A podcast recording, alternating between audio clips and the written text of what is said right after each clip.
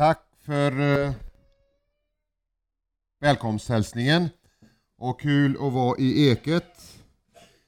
Inte bara ikväll i tältmötet utan jag och min kära hustru Karina, vi bor faktiskt tre veckor nu i Eket och semestrar här i det fagra Skåne. Eh, Karina hade lite problem med sin tand så att vi fick åka in akut till Örkelljunga idag för att fylla i lite som fattades, som saknades. Och då sa tandsköterskan, kommer ni från Sunne och semestrar i Eket? Det kunde hon inte förstå. Det kanske är en ny marknad för er kära vänner här i Eket att ta en drive upp i Selma Lagerlöfs sagolika Sunne och få lite turister från Värmland. Vi trivs bra här i Eket och vi är här av olika anledningar, bland annat familjehögtider och vi är glada för att få dela gemenskapen. Jag heter alltså Jonny Bjurmo och är missionssekreterare i Evangelisk Luthers Mission Bibeltrogna Vänner och har kontakt med kyrkorna i Eritrea, Etiopien och Kenya. Sen är jag också anställd som inspiratör här i ELM Syd och trivs bra i Skåne och trivs bra med min skånska hustru. Och nu har jag också en svärson här från Skåne så att eh, det kryper närmare och närmare. Kul att se dig Jonny! Jag har en namne här, tumme upp, LP Örkelljunga, kul att se dig och alla andra förstås också. Ni får ursäkta lite, det värmer lite extra när jag ser LP-gänget. Härligt! Vi ska stanna inför någonting väldigt stort och allvarligt idag och viktigt. Gudsnamnet och börja och se något av vad som hände där i Andra Moseboks tredje kapitel. Låt oss be. I Guds, Faderns, Sonens och den helige Andes namn tackar dig du, vår käre himmelske Gud och Far, för att vi idag får lära känna dig något mer. Att ditt namn ska få vara centralt här idag. Att ditt namn ska få ära, äras och prisas och att du ska få bli föremål för lovsång och bön och tacksägelse. Att ditt namn ska få regera i våra hjärtan, i våra liv. Både för de som är unga och de som är äldre. Att du ska gripa tag i oss alla och att ditt namn ska få bli tydligt målat här idag så att vi förstår något mer av vem du är vad du vill vad du har gjort och vad ditt ord säger. Tack helige Ande för att du kommer att skölja över oss med kraft ifrån höjden och ge oss det som vi behöver just nu, nämligen kunskap om ditt heliga namn och vad du vill göra med oss precis idag. Amen. Ja, man skulle kunna tänka sig att när vi går till den andra Moseboks tredje kapitel så skulle det vara en, en, histor, en historielektion här om olika gudar i Gamla Testamentet och hur vi vandrar omkring i länderna där i Israels omgivning och hur vi ser på kultur och olika yttringar men du förstår att ikväll så är det så här att Gud vill med sitt heliga namn tala direkt till dig och mig på ett alldeles särskilt sätt. Och det är så att när Gud handlar och befriar sitt folk från slaveriet så finns ett mönster. Det ser vi i Gamla Testamentet. Folket ropade till Gud och han svarade på ett mäktigt sätt. Och han svarade med sitt namn och med sin närvaro. I Nya Testamentet när frälsningen skulle gå i fullbordan och Jesus skulle gå in i ditt och mitt ställe och lida och dö och vi alla skulle befria, bli befriade från syndens band och bojor. Då presenterar sig Jesus Kristus som jag är, som Herren, som Gud mitt ibland oss, Immanuel. Det var befrielse i Gamla Testamentet och det var befrielse i Nya Testamentet och idag så är det också en befrielse för dig du som har kommit hit till tältet och du som sitter vid radioapparaterna och lyssnar. Gud vill befrielse. Han vill befria dig, inte i ditt namn eller i mitt namn, utan han vill befria dig och mig i sitt eget namn och med sin egen kraft och med sin egen närvaro. Och det är ju detta som är så viktigt vänner, att vi inte börjar tramsa till det här och hamnar i det som tyvärr sker i våra dagar med religionsdialog. Att man tycker att det är väl inte så kinkigt om man har lite gemenskap med någon religion här och någon annan där och man ber med några där och blandar sig här. Vi har ju ändå en Gud. Nej, vi har inte en och samma Gud. Abraham, Isak och Jakobs Gud, himmelens och jordens skapare, Bibelns Gud, står över allt annat och ska inte på något sätt blandas med andra gudar.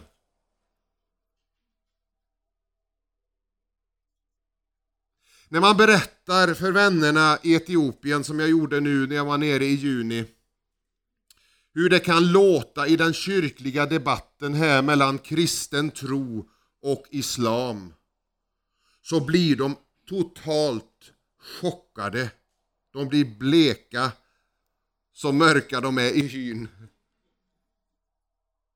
Det är helt otänkbart för dem att på något sätt blanda ihop islam med kristen tro. Att se någon som helst samhörighet när det gäller gudsbegreppet och Guds närvaro. Nej, Bibelns Gud är något som är helt unikt. Varför då?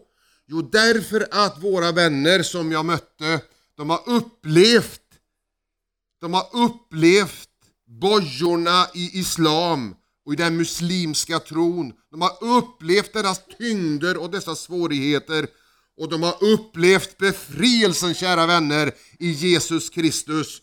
De har mött honom, de har sett honom, de har varit tillsammans med honom och han betyder allt för dem. Och hur skulle då de kunna tänka sig att tala om Gud som någonting som är ungefär same same i de olika religionerna? Nej, det är svart och vitt, det är tydligt. Det är en Gud som är levande och som finns i vår bibel och som talar till oss idag. Och det finns döda gudar i andra religioner. Vi ska ha respekt för varandra, men vi ska också vara väldigt tydliga med och reagera på när man börjar att blanda ihop det här i en enda soppa. Och det kan gå så fint, kära vänner, på de här olika områdena när djävulen kommer och vill blanda in sin smuts, sin förvillelse och det som är falskt. Det är inte så farligt.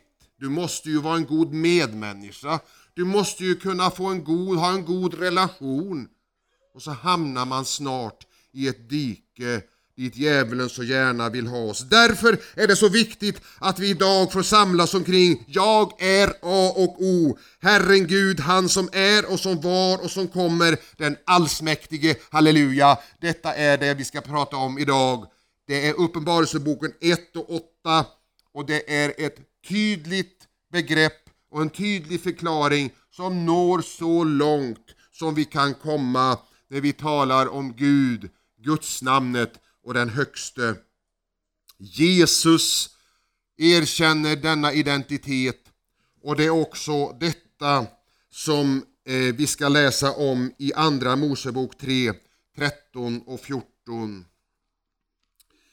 Mose sa till Gud, när jag kommer till Israels barn och säger till dem, era fäders Gud har sänt mig till er, och de frågar mig, vad är hans namn?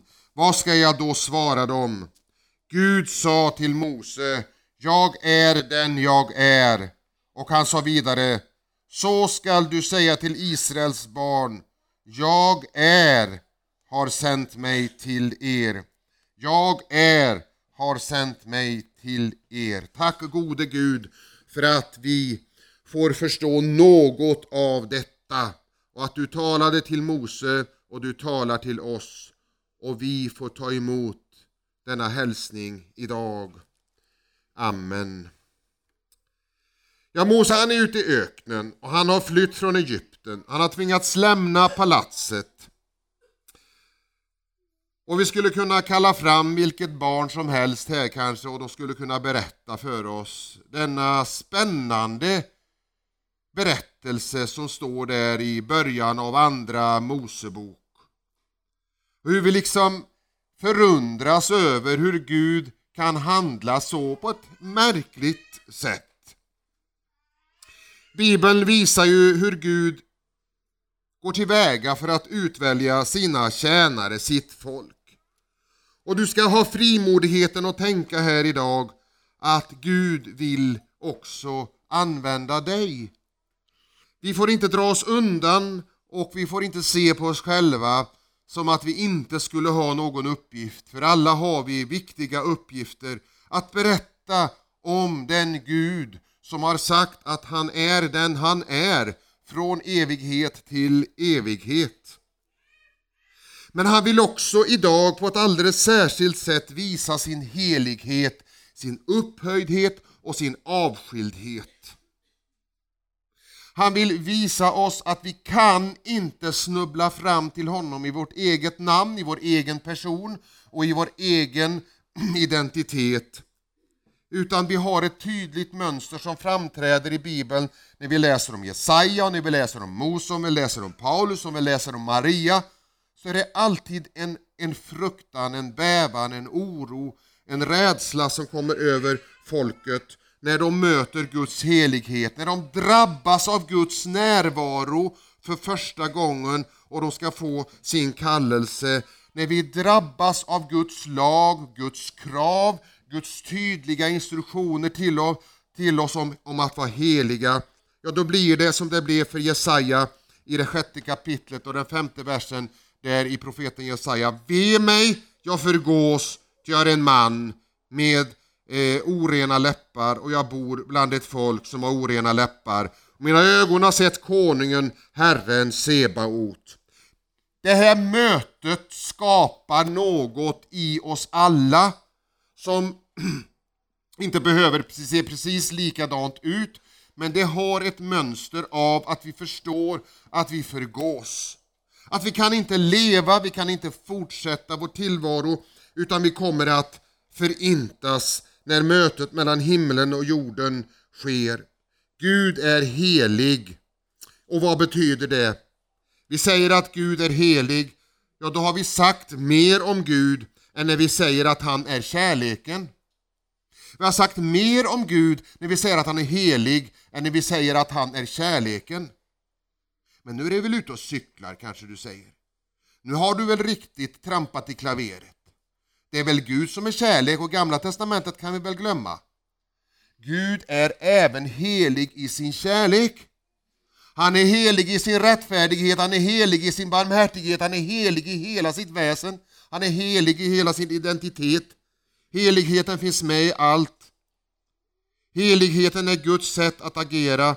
Det är hans innersta identitet. Helig, helig, helig är Herren Sebaot. Hela jorden är full av hans härlighet. Och så vet vi att vi har förlorat vår helighet och kan inte möta Guds helighet utan att förgås. Det finns ingen möjlighet för dig och mig att komma inför Gud och säga Hallå! Nu får du väl ta hand om mig för nu kommer jag här, Jonny, och vill ha lite gemenskap. Vi kan aldrig komma inför Gud i vårt eget namn. För det heter i tredje Mosebok 19 och 1. Ni skall vara heliga, ty jag, Herren, er Gud, är helig. Vi döms ut. Vi står som döda och Gud kan inte under några omständigheter överge sin helighet för då överger han sin identitet, sitt väsen. Det enda han kan agera det är att han själv träder in i vårt ställe. I sin dömande helighet måste Gud reagera på vårt onda mörker och döma oss. Det finns ingen annan väg. Men i sin barmhärtiga helighet vill Gud sluta oss i sin famn och ge oss allt gott.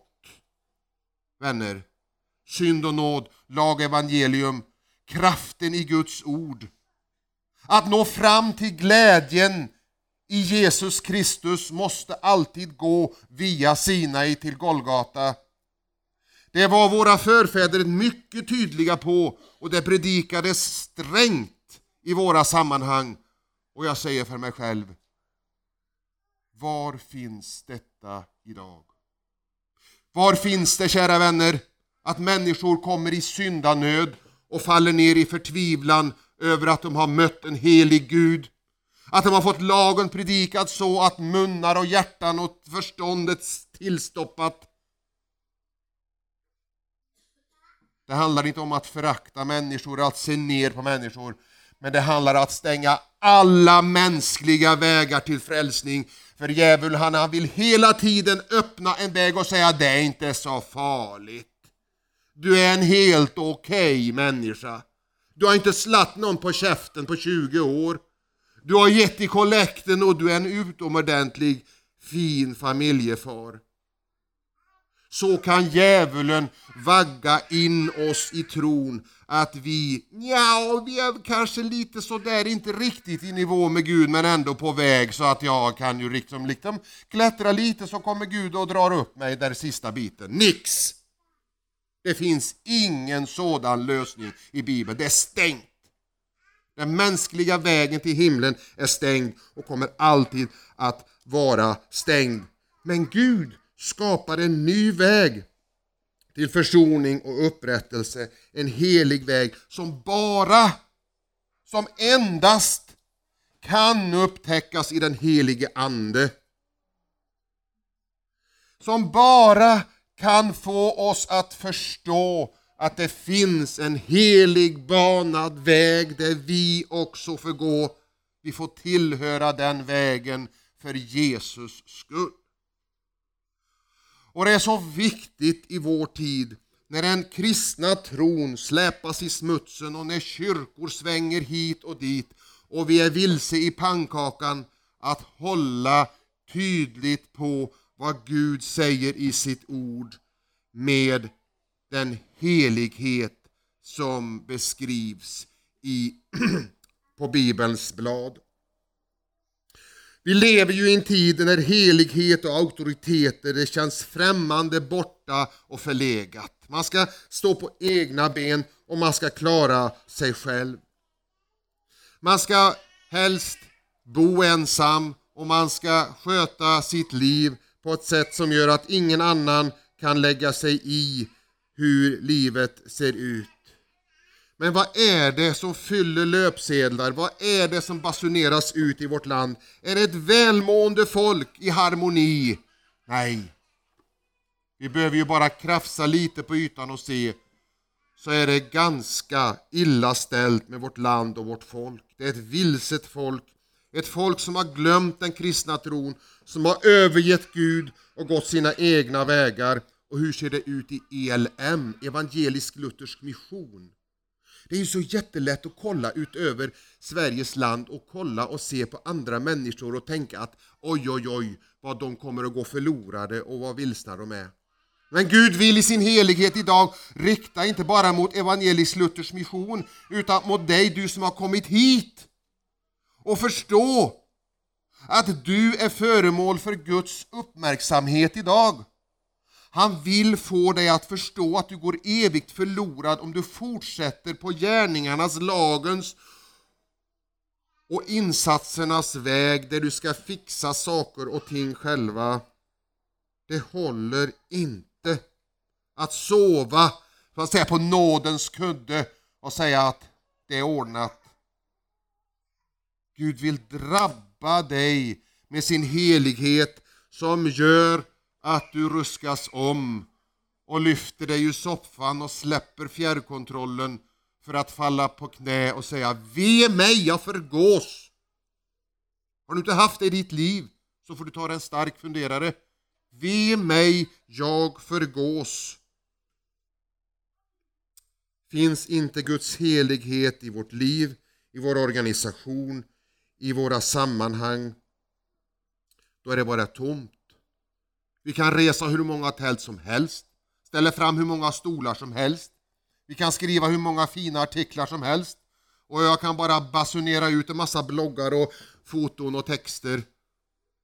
finns inte Guds helighet, Guds ande, Guds identitet och Guds namnet där, så det är bara tomt. Men hur var det nu med Mose och den situation han befann sig i? Vi har ju så mycket att lära av Guds ord. Han föddes i en dramatisk tid och han skulle egentligen ha dödats omedelbart, men han blev son i faraos hus, son till faraos dotter. Redan här ser vi Guds evangelium lysa fram. Vi är också kungabarn som blir uppdragna, upptagna utan att ha förtjänat det. Vi förtjänade döden men får tas upp i härligheten för Jesus skull. Som hamnade Mose i onåd hos farao efter att han har dödat en egyptier och fick fly ut i öknen. Har Gud användning för en sådan galning? En mördare? Har Gud användning av en sådan galning? Hur skulle räddningsuppdraget kunna gå vidare med en sån usel person som inte har, kan lägga band på sig utan han går så hårt tillväga så han slår ner och dödar en egyptier. Och vi kan tycka att han slarvade bort chansen och att få inneha makt och kontroll och, och sitta i palatset. Långt borta från all prakt och makt. Ut i öknen i torka. Och vad fanns det att hämta där av lycka, framgång och räddning? Hur skulle han kunna rädda sitt folk? Hur skulle han kunna göra en insats i Guds rike? Och jag tror att du finns här i tältet. Ja, jag är säker på det. Och jag tror att du sitter vid radioapparaterna som kanske tänker, har tänkt eller kommer att tänka.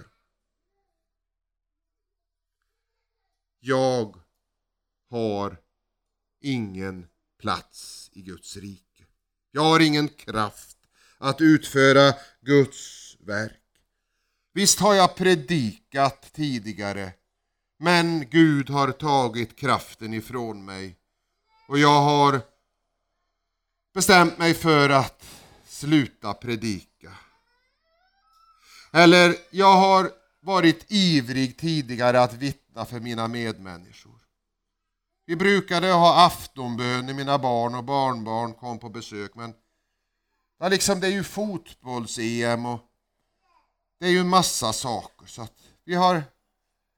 Det är lika bra att vi lägger ner det, för man vill ju liksom inte stöta sig med nära och kära.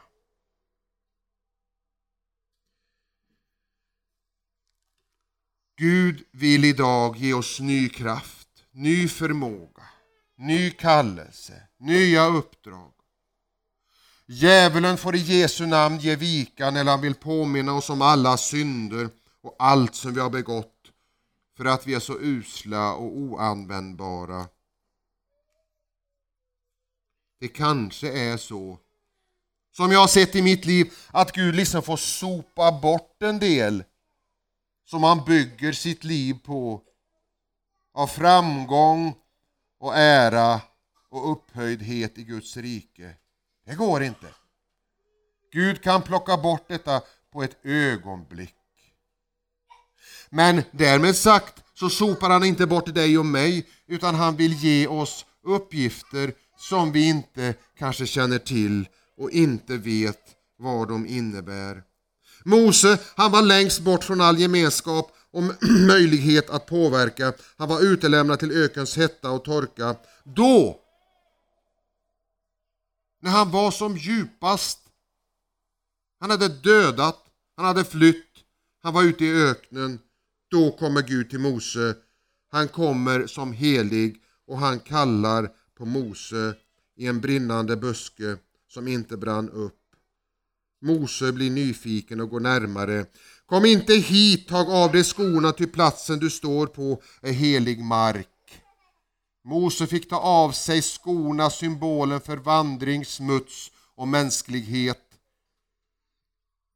Han fick falla på knä och se Guds helighet i den brinnande buske som fanns på jorden. Inte i en stor komet som grävde upp ett jättestort hål där ute i öknen, utan i en liten buske som brann och Gud var närvarande på ett alldeles fantastiskt sätt. Ropet från Israels barn har kommit upp till mig. Tänk vad det ligger mycket i det här. Guds folks böner. Det var en god vän som kom in i tältet här idag och sa, jag har bett för dig. Fantastiskt. Guds folks böner har möjlighet att förändra, påverka och ge oss kraft och uppmuntran. Ropet från Israels barn har kommit upp till mig.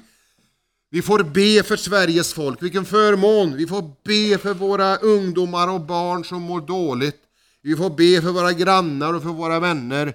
Vi får ha bönens lampa och vi får vara uppkopplade ständigt.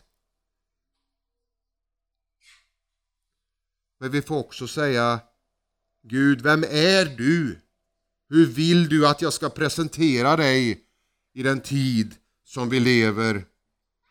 Jag är med dig, säger Gud. Jag är den jag är. Ett spännande uttryck som vi skulle kunna säga mycket om. Jag är den jag är. Namnet över alla namn, jag är den jag är, har sänt mig till er. Den mest konkreta identiteten av Gud som vi möter i Gamla Testamentet och i Nya Testamentet och här idag. Gamla Testamentet målar ju framförallt upp två namn på Gud. Det finns flera namn på Gud i... Eh, är det för högt nu? Eh, två namn på Gud i Gamla Testamentet och det är ju Elohim som några kanske känner igen och sen är det ju det heliga gudsnamnet JHVH. Och när det står Elohim i den hebreiska texten, då står det Gud i den svenska och när det står JHVH, då står det Herren med stora bokstäver i de gamla översättningarna. Men i den eh, Bibel 2000 har lika för både JHVH och ett annat gudsnamn.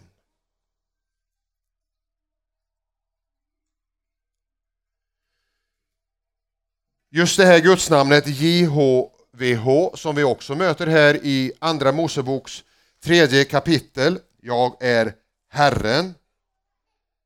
Jag är Herren. Så kan vi se att jag är den jag är är en utveckling och en förklaring till Guds, det heliga gudsnamnet. Och det står också i en not till Johannes evangeliets 8 och 24 så står det jag är uttrycker, anspelar, uttrycket anspelar på andra Mosebok 3 och 14 där utsagan avser Gud själv. Den anknyter till innebörden i det högsta Guds gudomliga namnet JHVH som vid skriftläsningen av vördnad aldrig uttalades utan ersattes med uttalet Adonai som betyder Herren. Gud använder alltså sin tydliga identitet när han ska rädda folket och presentera sig som den högste och med ett högt namn. Jag är, det är en beskrivning av det heliga gudsnamnet JHVH, Herren. Och jag är den jag är, Herren. Jesus tar den identiteten och namnet när han säger, som ni får lyssna till här under kvällar som kommer, till exempel jag är livets bröd. Eller när eh, vi möter Jesus i Getsemane när han ska fängslas i Johannes evangeliets 18 kapitel. Så säger ju Jesus, vem söker ni? Och det svarade Jesus från Nasaret. Han sa till dem, jag är. Och när Jesus sa till dem, jag är, vek de tillbaka och föll till marken. Och det är ett tydligt exempel på att det är Guds heliga namn som proklameras på jorden. Jesus sa det här flera gånger under sitt liv. Och han sa egentligen till folket som stod där och till de skriftlärda och översteprästerna Jag är Herren, Gud, himmelens och jordens skapare. Jag har en tydlig sammanhörighet med den Gud som har skapat himmel och jord. Och när han står inför översteprästen i Markus 14, 61 så står det, översteprästen frågade honom vidare, är du Messias, den välsignade son? Jesus svarade, jag är. Direkt en koppling till det heliga gudsnamnet JHVH. Alltså, jag är Herren med stora bokstäver. Och ni ska få se Människosonen sitta på maktens högra sida och komma bland himmelens moln. Och även där reaktion. Då rev översteprästen sönder sina kläder och alla fann honom skyldig till döden. Och vi kanske läser detta och går förbi det ganska snabbt. Men så står det i tredje Mos, Mosebok 21. Den som är överstepräst bland sina bröder, den som fått smörjelsens olja utgjuten på sitt huvud och blivit vigd med rätt att bära prästkläderna skall inte ha sitt hår i oordning eller riva sönder sina kläder. Alltså det var en sån otrolig markering där inför översteprästen som inte skulle ha fått ägt rum egentligen. Men det var så att de upplevde någonting som de aldrig tidigare hade upplevt. Visst fanns det de som sa att de var Messias, att de var räddare, att de var frälsare, men ingen hade proklamerat sig själv som jag är JHVH i deras mitt. Därav översteprästens reaktion att han rev sönder sina kläder. Så vi har ett evigt räddande evangelium om den Gud som använder människor för att sedan själv träda in i vårt ställe och ta det straff som vi borde ha lidit under. Och det som blev presenterat i Andra Moseboks tredje kapitel, det finns i Nya Testamentet och det är lika levande och starkt idag och vi får ta det till oss och vi får leva av det. Och Mose, han blev ju utvald som vi vet och fick vara en ledare för folket. Och så, så skrev han en psalm i Saltaren som är den 90 salmen där vi läser hur han hade upplevt denna tid. Och han skriver om Guds evighet och människans förgänglighet. Han skriver att Herre, du har varit vår tillflykt från släkte till släkte och innan bergen blev till och du skapade jorden och världen, ja, från evighet till evighet är du Gud. Du låter människor vända åter till stoft, du säger vänd åter ni människors barn, till tusen år är i dina ögon som den dag som förgick igår och det är som en nattväck, du sköljer dem bort. Det är som en sömn, om morgonen liknar det gräset som frodas, om morgonen gror det och blomstrar, om aftonen vissnar det och blir torrt. Vi går under genom din vrede, genom din förbrittning förskräcks vi. Du ställer våra missgärningar inför dig, våra hemliga synder i ditt ansiktes ljus. Alla våra dagar försvinner genom din harm, vi slutar våra år som en suck. Vårt liv varar 70 år eller 80 år om krafterna räcker och när det är som bäst är det möda och bekymmer, snart är det förbi, vi flyger bort. Låt dina gärningar uppenbaras för dina tjänare, avslutar Mose, och din ärlighet över deras barn. Må Herren vår Guds ljuvlighet vara över oss. Ge framgång åt våra händers verk. Ja, åt våra händers verk må du ge framgång. Räddningen för Mose fanns i namnet över alla andra namn, Herren, Gud, himmelens och jordens skapare och även vår frälsare och vår räddare. Herren, jag är den jag är.